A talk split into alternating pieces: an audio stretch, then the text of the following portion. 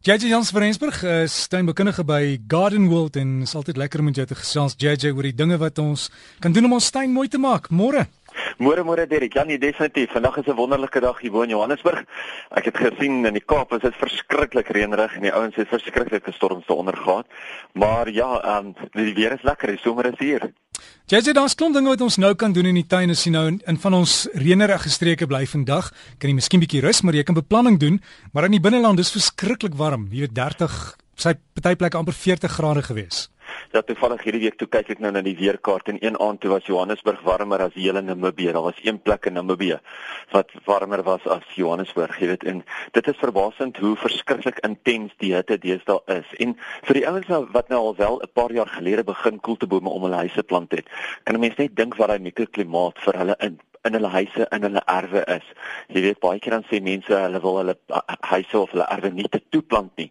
Maar natuurlik as jy net 'n paar strategiese bome op plekke plant, dan gaan jy natuurlik baie koelte kry en jy gaan heeltemal 'n ander gevoel in jou eie tuin vir jouself kan skep.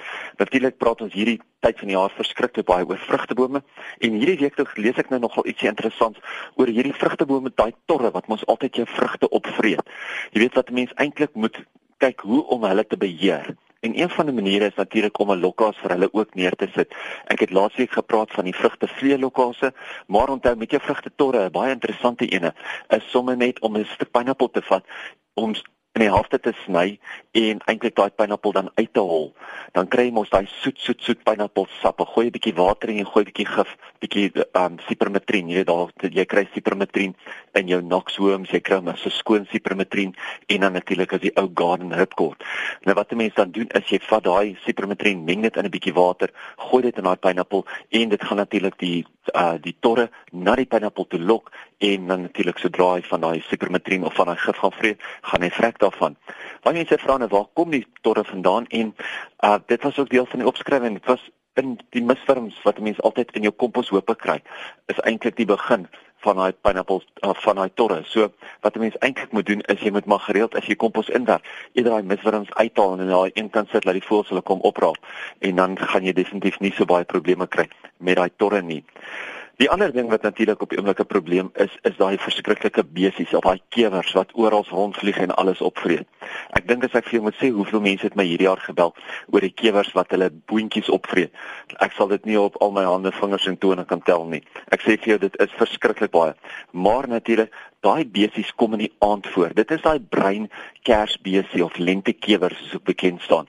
En mens moet maar doodseker maak dat 'n mens wat ook al jy spuit daarteen, laat 'n mens dit in die aand spuit want tot of in die laatmiddag spuit want onthou daai kewers is op hulle aktiefste gedurende die aand. En gewoonlik gebruik 'n mens daar 'n tipe van 'n maagdoder. Ek weet jy praat altyd van die sunlight seep, daai groen koekie seep wat 'n mens in water kan rasper en dit sommer net om die plante kan gooi onder daai besies in die grond eintlik oor nag of oor oordag eintlik.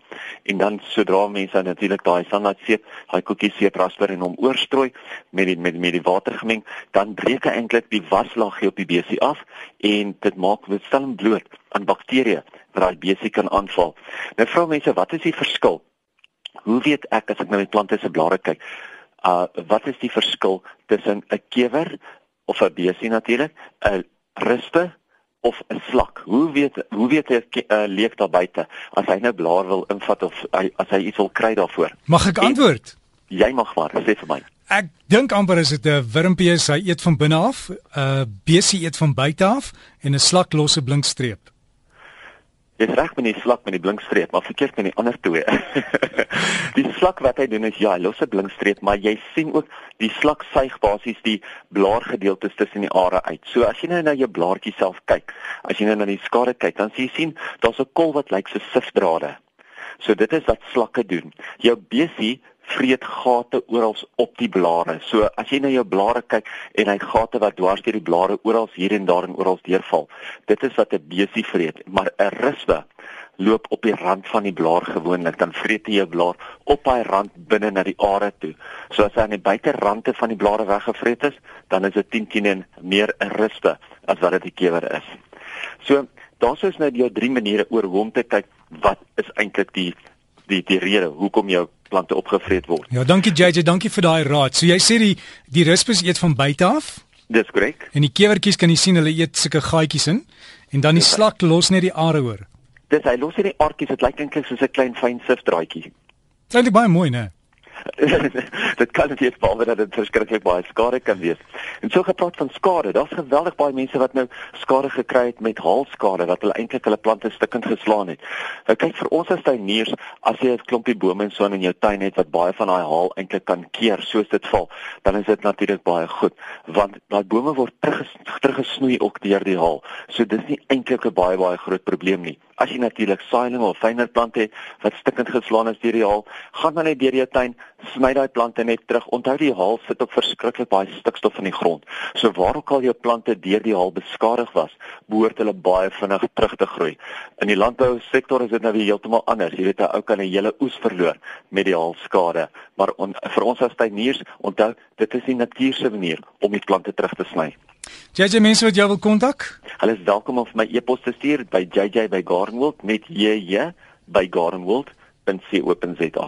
So gesels ons met JJ Jansen van Rensburg, tuinbekundige by Gardenwold. Jy kan hom kontak dan per e-pos jj by Gardenwold. Dan sien ons dan die gesprek dan ook in die komende week beskikbaar op ons webtuiste as 'n potgooi.